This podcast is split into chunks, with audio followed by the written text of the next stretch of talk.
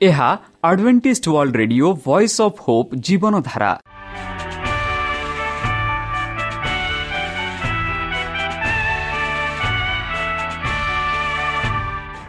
Odia radio କାର୍ଯ୍ୟକ୍ରମ ଯାହା ଆମର ଆନ୍ତର୍ଜାତୀୟ ଆଘାତ କେନ୍ଦ୍ରରୁ ପ୍ରସାରଣ କରାଯାଉଛି ପ୍ରତିଦିନ ରାତି ନଅଟା ତିରିଶ ମିନିଟ୍ରେ। ମୁଁ ସୁବ୍ରତ କୁମାର ପତି ପ୍ରେମର ସହ ଆପଣମାନଙ୍କୁ ଏହି କାର୍ଯ୍ୟକ୍ରମକୁ ସ୍ୱାଗତ କରୁଅଛି। ଚାଲନ୍ତୁ ଆଜିର ତିରିଶ ମିନିଟ୍ର କାର୍ଯ୍ୟକ୍ରମ ବିଷୟରେ ଜାଣିନେବା। ପ୍ରଥମେ ରଖିଛୁ ଆଧ୍ୟାତ୍ମିକ ଭକ୍ତିମୟ ଗୀତ। ଭକ୍ତଙ୍କଠାରୁ ଜୀବନଦାୟକ ଈଶ୍ୱରଙ୍କ ବାକ୍ୟ। ପ୍ରିୟ ଶ୍ରୋତା ତାହେଲେ ଚାଲନ୍ତୁ ଶୁଣିବା ଏକ ଆଧ୍ୟାତ୍ମିକ ଭକ୍ତିମୟ ଗୀତ।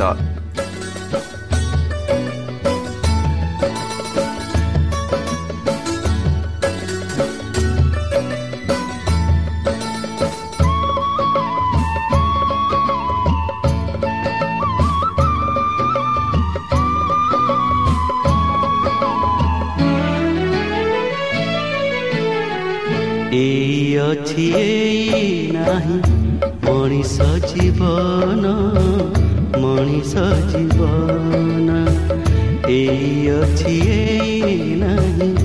ମଣିଷ ଜୀବନ ମଣିଷ ଜୀବନ। ତଥାପି ଅସରା ଯେତେ କାଲିର ସପନ। ତଥାପି ଅସରା ଯେତେ କାଲିର ସପନ। କାଲିର ସପନ ମଣିଷ ଜୀବନ ଏଇ ଅଛି ଏଇ ନାହିଁ ମଣିଷ ଜୀବନ ମଣିଷ ଜୀବନ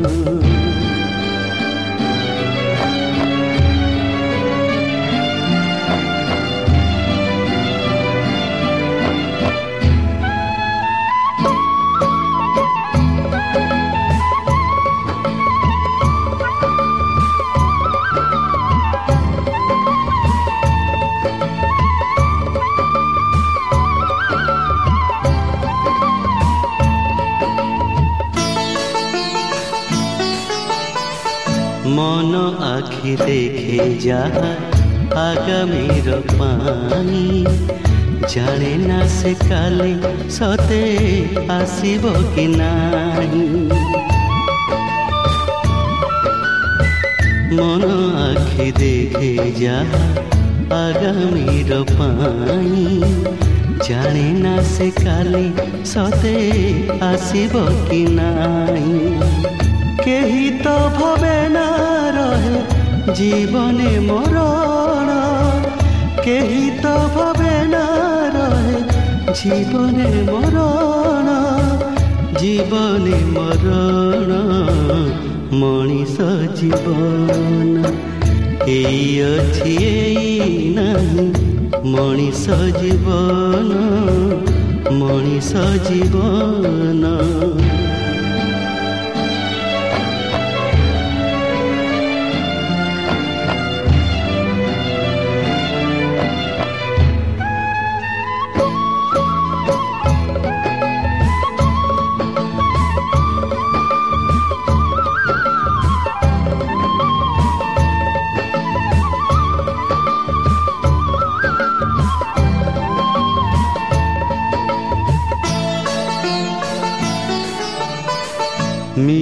ମିଛ ଜୀବନରେ ସତ ମାୟା ପ୍ରଲୋଭନ ଖୋଜେ ନା ମଣିଷ କେବେ ମରଣେ ଜୀବନ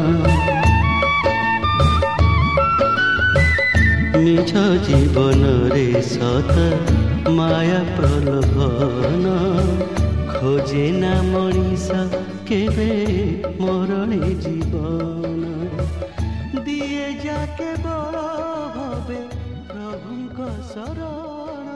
ଆମ ଠିକଣା Adventist Media Centre SDA mission compound Salisbury Park Pune ଚାରି ଏକ ଏକ ଶୂନ ତିନି ସାତ ମହାରାଷ୍ଟ୍ର।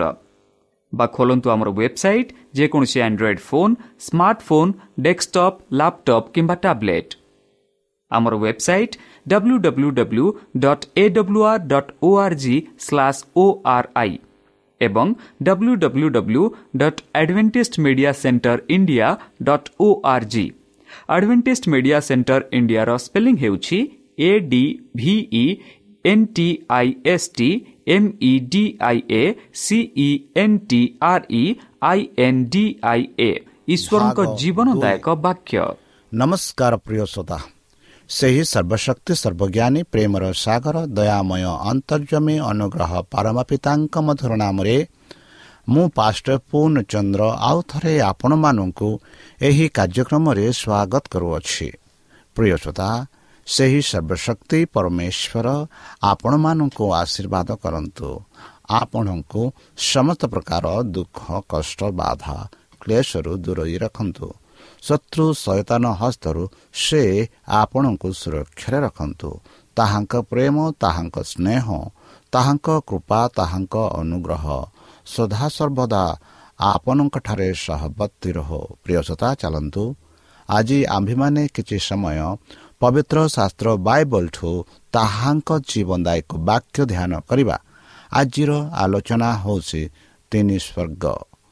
ଭାଗ ଦୁଇ। ବନ୍ଧୁ ଗତକାଲି ଆମେ ପ୍ରଥମ ସ୍ୱର୍ଗ ଦ୍ୱିତୀୟ ସ୍ୱର୍ଗ ଯାହା ପ୍ରଥମ ସ୍ୱର୍ଗ ଦେଖିଲୁ ଦ୍ୱିତୀୟ ସ୍ୱର୍ଗ ଦେଖିଲୁ ଆଉ ତୃତୀୟ ସ୍ୱର୍ଗ ବି ଦେଖିଲୁ ଆଉ ସେ ତୃତୀୟ ସ୍ୱର୍ଗ ହେଉଛି ବାସ୍ତବିକ ସ୍ୱର୍ଗ ଯେଉଁଠାରେ ପରମେଶ୍ୱର ବାସ କରନ୍ତି ଯେଉଁଠାରେ ପିତା ବାସ କରନ୍ତି ଯେଉଁଠାରେ ପୁତ୍ର ବାସ କରନ୍ତି ଯେଉଁଠାରେ ଦୂତମାନେ ବାସ କରନ୍ତି। ଯେପରି ପ୍ରକାଶିତ ଆଠ ଏକରେ ଆମେ ଦେଖୁଅଛୁ ମେଷ ଶାବକ ଯେତେବେଳେ ସପ୍ତମ ମୁଦ୍ରାୟଣ ଭାଙ୍ଗିଲେ ସେତେବେଳେ ସ୍ୱର୍ଗରେ ପ୍ରାୟ ଅର୍ଦ୍ଧ ଘଣ୍ଟାଟି ପର୍ଯ୍ୟନ୍ତ ନିରବତା ବିରାଜିତ ହେଲା ଦେଖନ୍ତୁ ବନ୍ଧୁ ଆମେ ସ୍ୱର୍ଗ ବିଷୟରେ ପାଉଅଛୁ ଏଠି ବାସ୍ତବିକ ସ୍ୱର୍ଗ ବିଷୟରେ। ଏଠି କହୁଅଛି ଯେତେବେଳେ ଯୀଶୁଖ୍ରୀଷ୍ଟ ସେହି ସପ୍ତମ ମୁଦ୍ରାଣ ଭାଙ୍ଗିଲେ ସେତେବେଳେ ସ୍ୱର୍ଗରେ ପ୍ରାୟ ଅର୍ଦ୍ଧ ଅର୍ଦ୍ଧ ଘଟିକା ମାନେ ଅର୍ଦ୍ଧଘଣ୍ଟା ପର୍ଯ୍ୟନ୍ତ ନିରବତା ବିରାଚିତ ହେଲା ବୋଲି ଆମେ ଦେଖୁଅଛୁ।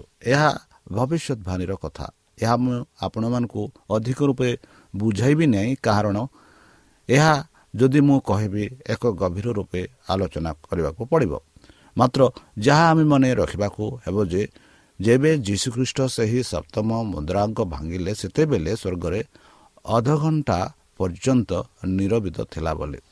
ପ୍ରକାଶିତ ପାଞ୍ଚ ଏକରେ ଆମେ ଦେଖୁଅଛୁ ଜହନ ଲେଖନ୍ତି ତତ୍ତ୍ୱରେ ମୁଁ ସିଂହାସନ ପ୍ରତିଷ୍ଠ ବ୍ୟକ୍ତିଙ୍କ ଦକ୍ଷିଣ ହସ୍ତରେ ଗୋଟିଏ ପୁସ୍ତକ ଦେଖିଲି। ତାହା ଉଭୟ ପାର୍ଶ୍ୱରେ ଲିଖିତ ଓ ସପ୍ତ ମୁଦ୍ରାରେ ମୁଦ୍ରାଙ୍କିତ ଥିଲା। ବନ୍ଧୁ ଜହନ ଦେଖନ୍ତି ଏହି ଦର୍ଶନରେ। ସେ ଦେଖନ୍ତି କି ସିଂହାସନ ପବିଷ୍ଟ ବ୍ୟକ୍ତିଙ୍କ ଦକ୍ଷିଣ ହସ୍ତରେ ଗୋଟିଏ ପୁସ୍ତକ ଦେଖିଲା। ଆଉ ସେହି କ'ଣ ଦେଖିଲେ? ଉଭୟ ପାର୍ଶ୍ୱରେ ଲିଖିତ ଓ ସପ୍ତ ମୁଦ୍ରାରେ ମୁଦ୍ରାଙ୍କିତ ଦେଖିଲେ। ଏହିପରି ସେ ଦେଖିଲେ ବୋଲି ଆମେ ପାଉଅଛୁ। ପ୍ରକାଶିତ ଚାରି ଏକ। ସେ କହନ୍ତି ଏହାପରେ ମୁଁ ଦୃଷ୍ଟିପାତ କଲି। ଆଉ ଦେଖ ସ୍ୱର୍ଗରେ ଗୋଟିଏ ଦ୍ୱାର ଉନ୍ନକ୍ତ। ପୁଣି ତୁରି ଶବ୍ଦ ସଦୃଶ୍ୟ ମୋହ ସହିତ କହୁଥିବା ଯେଉଁ ସ୍ୱର ମୁଁ ପୂର୍ବରେ ଶୁଣିଥିଲି ତାହା କହିଲା ଏଠାକୁ ଉଠି ଆସ। ଯାହା ସବୁ ଏହା ପରେ ଅବଶ୍ୟ ଘଟିବ ସେହିସବୁ ଆମେ ତୁମକୁ ଦେଖାଇବୁ। ଏହିପରି ଆମେ ସେହି ଦୂତ ଜହନକୁ କହିବାର ଆମେ ଦେଖୁଅଛୁ। ସେ କହନ୍ତି କି ଉଠ ଉଠି ଆସ। ଯାହା ସବୁ ଏହା ପରେ ଅବଶ୍ୟ ଘଟିବ। ସେହିସବୁ ମୁଁ ତୁମମାନଙ୍କୁ ଦେଖାଇବି ବୋଲି ସେହି ଦୂତ ଜହନକୁ କହନ୍ତି। ବନ୍ଧୁ ପ୍ରକାଶିତ ପାଞ୍ଚ ପାଞ୍ଚ ଟୁ ସାତରେ ଆମେ ପାଉଅଛୁ। ସେଥିରେ ପ୍ରାଚୀନମାନଙ୍କ ମଧ୍ୟରୁ ଜଣେ ମୋତେ କହିଲେ ରୋଦନ କର ନାହିଁ ବା କାନ୍ଧ ନାହିଁ। ଦେଖ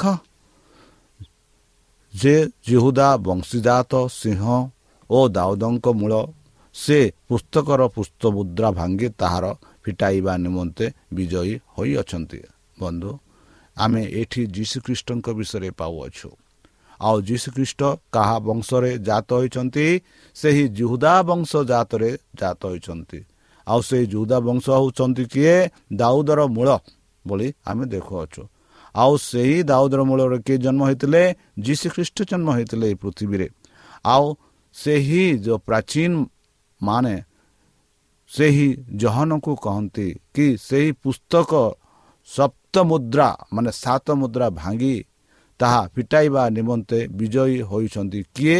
ଯୀଶୁ ଖ୍ରୀଷ୍ଟ ଯୀଶୁ ଖ୍ରୀଷ୍ଟ ଯିଏକି ପୃଥିବୀରେ ଥିଲେ ଆଉ ସେ ଯେ ମାନବ ଜାତି ମରଣ ହେଲେ ମାନବ ପାଇଁ ନିଜ ପ୍ରାଣ ଦାନ ଦେଲେ ସେ ହିଁ ଯୋଗ୍ୟ କି ଏଇଟା ଫିଟାଇବା ପାଇଁ?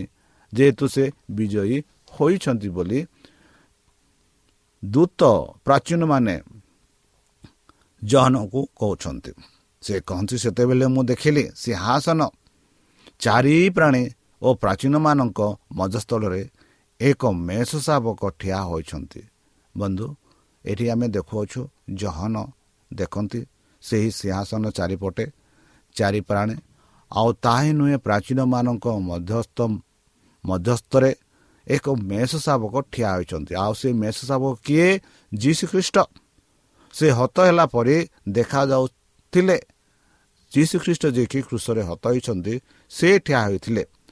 ଆଉ ତାଙ୍କର ସପ୍ତ ଶୃଙ୍ଗ ଓ ସପ୍ତ ଚକ୍ଷୁ ସେହି ସମସ୍ତ ଚକ୍ଷୁ ସମୁଦାୟ ପୃଥିବୀରେ ପ୍ରେରିତ ଈଶ୍ୱରଙ୍କ ସପ୍ତ ଆତ୍ମା। ବନ୍ଧୁ ସେହି ଯେଉଁ ସପ୍ତ ଚକ୍ଷୁ ସେହି ଯେଉଁ ସପ୍ତ ଶୃଙ୍ଗ ସେହି ସମସ୍ତ ଚକ୍ଷୁ ସମୁଦାୟ ପୃଥିବୀରେ ପ୍ରେରିତ ଆଉ ସେହି ସପ୍ତ ହେଉଛି ଈଶ୍ୱରଙ୍କର ସପ୍ତ ଆତ୍ମା ବୋଲି ଆମେ ଦେଖୁଅଛୁ। ସେ ଆସି ସିଂହାସନ ପପିଷ୍ଟ ବ୍ୟକ୍ତିଙ୍କର ଦକ୍ଷିଣ ହସ୍ତରୁ ସେହି ପୁସ୍ତକ ନେଲେ ବୋଲି ଆମେ ଦେଖୁଛୁ। ସେହି ବ୍ୟକ୍ତି ଆସି ସେହି ସିଂହାସନରେ ଯେ ବସି ଅଛନ୍ତି ତାଙ୍କ ହସ୍ତରୁ ସେହି ପୁସ୍ତକ ନେଲେ ବୋଲି ଜହନ ଦେଖୁଛନ୍ତି। ଆମେ ବର୍ତ୍ତମାନ ବନ୍ଧୁ ସ୍ୱର୍ଗ ବିଷୟରେ ଆଲୋଚନା କରୁଛୁ। ଆଉ ସ୍ୱର୍ଗ କିପରି ଅଛି ତାହା ବିଷୟରେ ଆମେ ଆଲୋଚନା କରୁଛୁ। ବାସ୍ତବିକ ସ୍ୱର୍ଗ ବିଷୟରେ।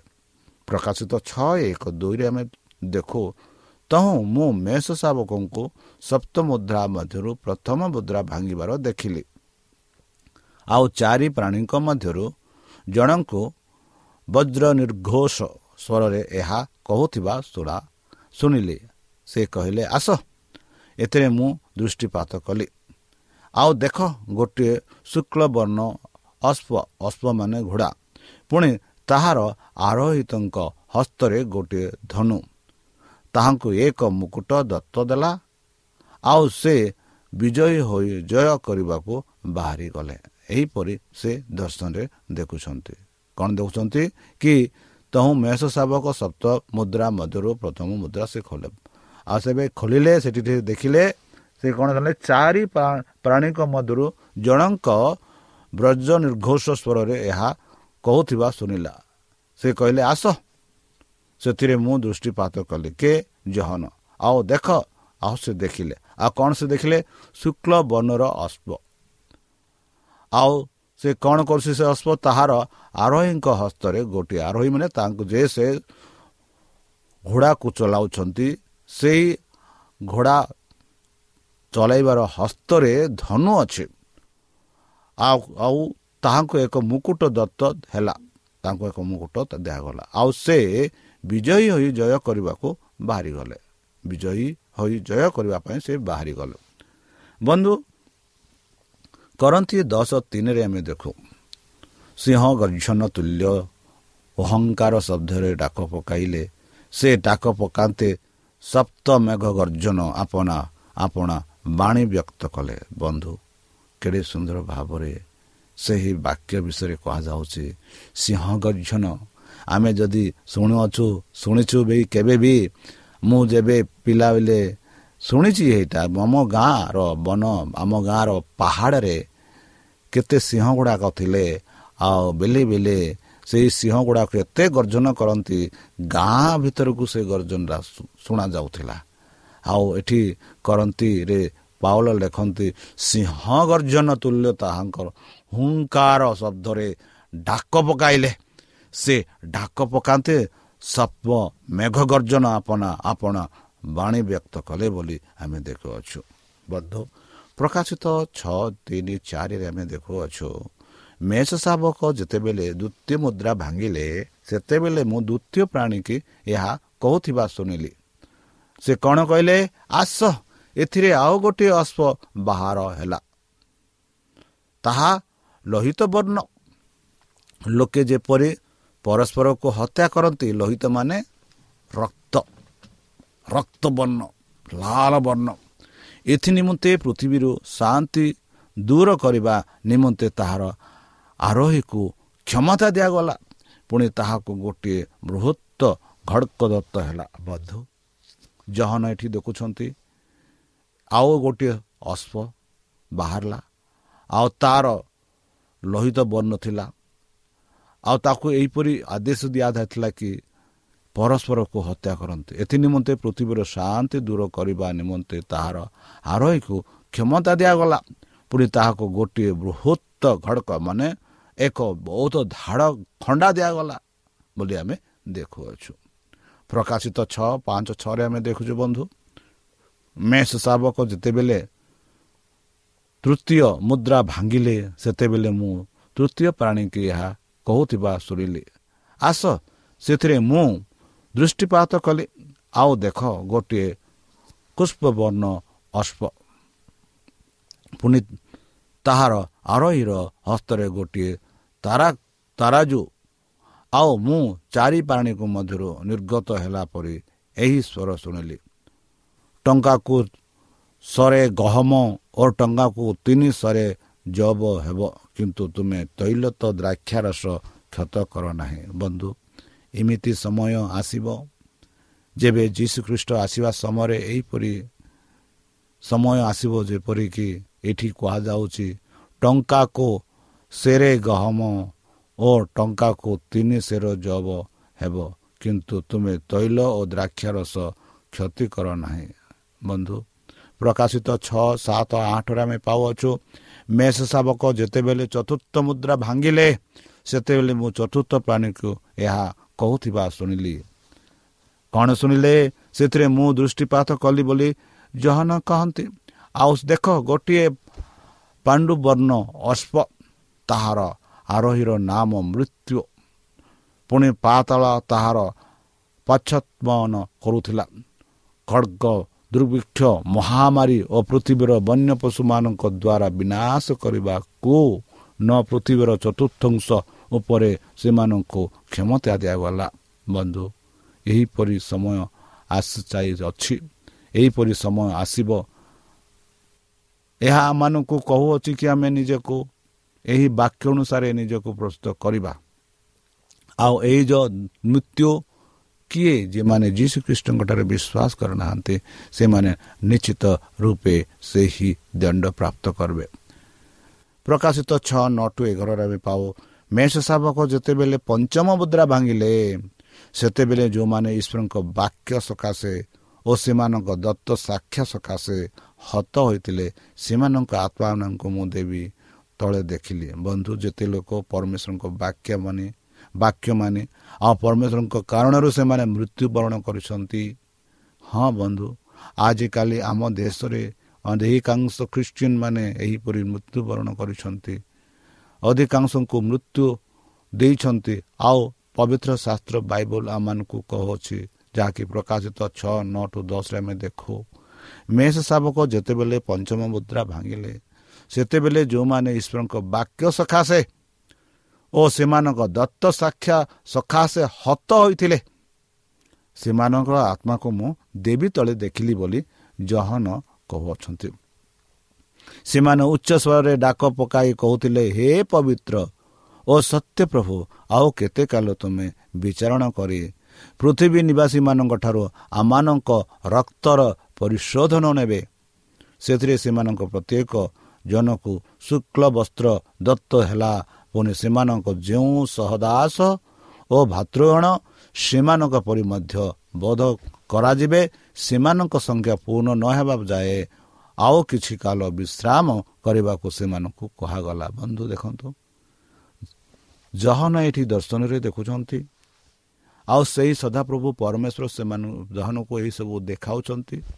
ଆଉ ଜହନ ଏଠିରେ ଦେଖୁଛନ୍ତି କ'ଣ ଦେଖୁଛନ୍ତି? ସେଇ ଯେଉଁ ଆତ୍ମା ଯେଉଁମାନେ କି ଈଶ୍ୱରଙ୍କ ବାକ୍ୟ ସକାଶେ ଈଶ୍ୱରଙ୍କ ସାକ୍ଷା ସକାଶେ ହତ ହୋଇଛନ୍ତି ସେମାନେ ସେହି ବେଦୀ ତଳରେ ଥିବାର ଦେଖୁଛନ୍ତି। ଆଉ ସେମାନେ ଏକ ଉଚ୍ଚ ସ୍ୱରରେ ସେ କହୁଛନ୍ତି କେତେ ଦିନ ଯେତେ ଲୋକମାନଙ୍କୁ ଏହିପରି କରିଛନ୍ତି ସେମାନଙ୍କୁ ପରିଶୋଧନ କେବେ ପରିଶୋଧ କେବେ ନେବେ ବୋଲି ପ୍ରଶ୍ନ କରୁଛନ୍ତି ଆଉ ସେତେବେଳେ ସେମାନଙ୍କୁ ପ୍ରତ୍ୟେକ ବ୍ୟକ୍ତିକୁ ଏକ ଶୁକ୍ଳ ବସ୍ତ୍ର ମାନେ ଧଳା ବସ୍ତ୍ର ଦିଆଗଲା ବୋଲି ଆମେ ଦେଖୁଅଛୁ। ଆଉ ସେମାନଙ୍କୁ ଏକ ସ୍ୱାନ୍ତନା ଦେଇ କୁହାଗଲା କି କିଛି ସମୟ ବିଶ୍ରାମ ନିଅ ଯେହେତୁ ଆଉ ଲୋକେ ଅଛନ୍ତି ଆଉ ପ୍ରଭୁଙ୍କ ବାକ୍ୟ ନିମନ୍ତେ ମୃତ୍ୟୁ ହେବା ଲୋକ ଅଛନ୍ତି। ସେମାନେ ଯେ ସେ ସଂଖ୍ୟା ଯେବେ ନ ପୂରଣ ହେବା ପର୍ଯ୍ୟନ୍ତ ଟିକେ ବିଶ୍ରାମ କର ବୋଲି ସେହି ଦୂତ ସେମାନଙ୍କୁ କହିବାର ସେ ଦେଖୁଛନ୍ତି। ପ୍ରକାଶିତ କୋଡ଼ିଏ ଚାରି ଟୁ ଛଅ ଯଦି ଆମେ ଦେଖିବା ବନ୍ଧୁ ପରେ ମୁଁ ସିଂହାସନରୁ ଦେଖିଲି ସେହିସବୁ ଉପରେ କେତେ ବ୍ୟକ୍ତି ଉପବେଶନ କଲେ। ସେମାନଙ୍କୁ ବିଚାର କରିବାର କ୍ଷମତା ଦିଆଗଲା। ଆଉ ଯୀଶୁଙ୍କ ସାକ୍ଷା ଓ ଈଶ୍ୱରଙ୍କ ବାକ୍ୟ ନିମନ୍ତେ ଯେଉଁମାନଙ୍କର ମସ୍ତକ ଛେଦନ ହୋଇଥିଲା। ପୁଣି ସେମାନେ ସେହି ପଶୁକୁ ବା ତାହାର ପ୍ରତିଭାକୁ ପ୍ରମାଣନ କରିଥିଲେ ଓ ତାହାର ଚିହ୍ନ ଆପଣା ଆପଣା କପାଳରେ ଓ ହସ୍ତରେ ଧାରଣ କରିଥିଲେ। ସେମାନଙ୍କ ଆତ୍ମାକୁ ଦେଖିଲେ। ସେମାନେ ଜୀବିତ ହୋଇ ଖ୍ରୀଷ୍ଟଙ୍କ ସହିତ ଏକ ସହସ୍ର ବର୍ଷ ପର୍ଯ୍ୟନ୍ତ ରାଜତ୍ୱ କଲେ। ଅବଶିଷ୍ଟ ମୃତ୍ୟୁ ଲୋକମାନେ ସେହି ସହସ୍ର ବର୍ଷ ଶେଷ ନ ହେବା ପର୍ଯ୍ୟନ୍ତ ଜୀବିତ ହେଲେ ନାହିଁ। ଏହା ହିଁ ପ୍ରଥମ ପୁନରୁତ୍ଥାନ ଯେଉଁମାନେ ପ୍ରଥମ ପୁନରୁତ୍ଥାନ ଅଂଶ ଆହୁ ଅଂଶୀ ହୁଅନ୍ତି ସେମାନେ ଧନ୍ୟ ଓ ପବିତ୍ର ସେମାନଙ୍କ ଉପରେ ଦ୍ୱିତୀୟ ମୃତ୍ୟୁ କୌଣସି ଅଧିକାର ନାହିଁ ବରଞ୍ଚ ସେମାନେ ଈଶ୍ୱରଙ୍କ ଖ୍ରୀଷ୍ଟଙ୍କ ଯାଜକ ହୋଇ ଏକ ସହସ୍ର ବର୍ଷ ପର୍ଯ୍ୟନ୍ତ ତାହାଙ୍କ ସହିତ ରାଜତ୍ୱ କରିବେ। ବନ୍ଧୁ ଏହିପରି ସୁଯୋଗ ପ୍ରତ୍ୟେକ ଖ୍ରୀଷ୍ଟିଆନ ପ୍ରତ୍ୟେକ ବିଶ୍ୱାସୀକୁ ଦିଆଯିବ ଯେଉଁମାନେ କି ପରମେଶ୍ୱରଙ୍କ ସହ ଏକସ୍ର ସହସ୍ର ବର୍ଷର ଶାସନ କରିବେ ବୋଲି ପ୍ରକାଶିତ ଛଅ ବାରରୁ ସତର ଆମେ ଦେଖୁ। ମେଷ ଶାବକ ସ୍ପଷ୍ଟ ମୁଦ୍ରା ଭାଙ୍ଗିବା ସମୟରେ ମୁଁ ଦେଖିଲି ମହାଭୂମିକମ୍ପ ହେଲା। ସୂର୍ଯ୍ୟ ଲୋମ ଲୋମ ନିର୍ମତ କମ୍ବଳ ପରି କୃଷ୍ଣବର୍ଣ୍ଣ ଓ ଚନ୍ଦ୍ର ସମ୍ପୂର୍ଣ୍ଣ ରକ୍ତବର୍ଣ୍ଣ ହେଲା। ପ୍ରବଳ ବାୟୁର ଆଘାତରେ ଡିମିରି ବୃକ୍ଷର ଯେପରି ଅପକୃ ଫଳ ସବୁ ପତିତ ହୁଏ ସେହିପରି ଆକାଶର ନକ୍ଷତ୍ର ସବୁ ପୃଥିବୀରେ ପତିତ ହେଲେ। ଆକାଶ ମଣ୍ଡଳର ଚର୍ମ ପୁସ୍ତକ ଗୁଡ଼ା ହେଲା ପରି ଗୁଡ଼ା ହୋଇ ତୁରୀଭୂତ ହେଲା। ପୁଣି ପର୍ବତ ଓ ଦ୍ୱୀପ ସମୂହ ସ୍ୱାନ୍ତନତ୍ରିତ ହେଲେ। ଆଉ ପୃଥିବୀର ରାଜାମାନେ ପାତ୍ର ମନ୍ତ୍ରୀମାନେ ପ୍ରଧାନ ସେନାପତି ଓ ଧନୀମାନେ ବଳଦାନ ଲୋକମାନେ ଏବଂ ପରାଧୀନ ଓ ସ୍ୱାଧୀନ ଲୋକ ସମସ୍ତେ ଗୁହା ଓ ପର୍ବତମାଳାରେ ଷୋହଳମାନଙ୍କ ମଧ୍ୟରେ ଆପଣା ଆପଣଙ୍କୁ ଲୁଚାଇଲେ। ପୁଣି ସେମାନେ ପର୍ବତ ଓ ଶୈଳମାନଙ୍କୁ କହିଲେ ଆମମାନଙ୍କ ଉପରେ ପଡ଼ି ସିଂହାସନ ପ୍ରତିଷ୍ଠ ବ୍ୟକ୍ତିଙ୍କ ଛମରୁ ଓ ମେଷସାବଙ୍କ କ୍ରୋଧରୁ ଆମମାନଙ୍କୁ ଲୁଚାଇ ରଖ। କାରଣ ସେମାନଙ୍କ କ୍ରୋଧର ମହାନିଦ ମହାଦିନ ଉପସ୍ଥିତ ହୋଇଅଛି। ଆଉ କିଏ ଠିଆ ହୋଇପାରିବ ବନ୍ଧୁ ଏହା ଆମେ ଦେଖୁଅଛୁ। ଆଉ ଯାହା ଯାହା ପବିତ୍ର ଶାସ୍ତ୍ର ବାଇବଲ କହିସାରିଛି ତାହା କେତେ ଘଟି ସାରିଛି ବନ୍ଧୁ। ଆଉ ଯୀଶୁଖ୍ରୀଷ୍ଟଙ୍କ ଆଗମନ ବହୁତ ନିକଟ ଅଛି। ବନ୍ଧୁ ମାଥ୍ୟୁ ପଚିଶ ଏକତିରିଶ ଆମେ ଦେଖୁ ମନୁଷ୍ୟ ପୁତ୍ର ଯେତେବେଳେ ସମସ୍ତ ଦୂତଙ୍କ ସହିତ ସ୍ୱମହିମାରେ ଆଗମନ କରିବେ ସେତେବେଳେ ସେ ଆପଣ ଗୌରବମୟ ସିଂହାସନରେ ଉପବେଶନ କରିବେ ବନ୍ଧୁ।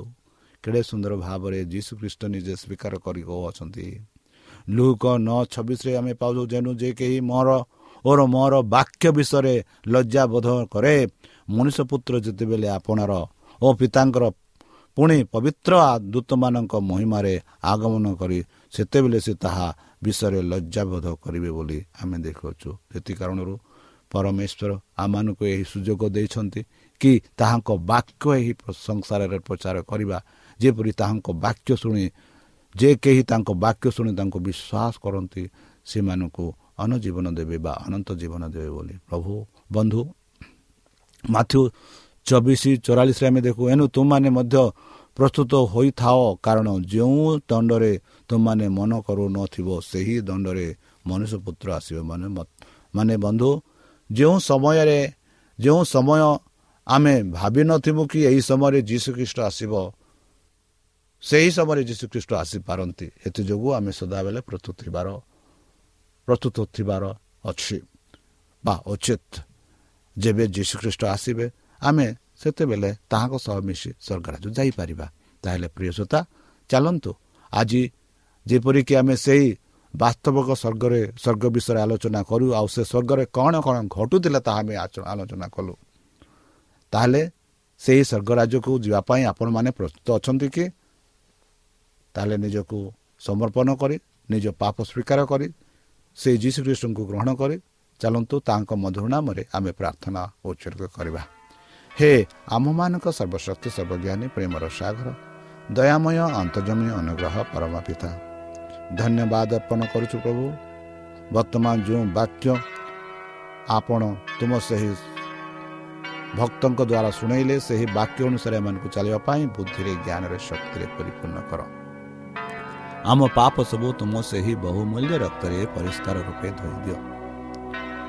ଆଉ ପରିଶେଷ ଯେବେ ତୁମେ ତୁମ ସେହି ସହସ୍ର ଦୂତଙ୍କ ସହ ଆସିବେ ସେତେବେଳେ ଆମମାନଙ୍କୁ ଏକ ବାସସ୍ଥାନ ଦେବ ବୋଲି ତ୍ରାଣକର୍ତ୍ତା ପ୍ରଭୁ ଯୀଶୁଙ୍କ ମଧୁରମୟ ନାମରେ ଏହି ଛୋଟ ବିକ୍ଷମା ଅଛି ଶୁଣି ଗ୍ରହଣ କର।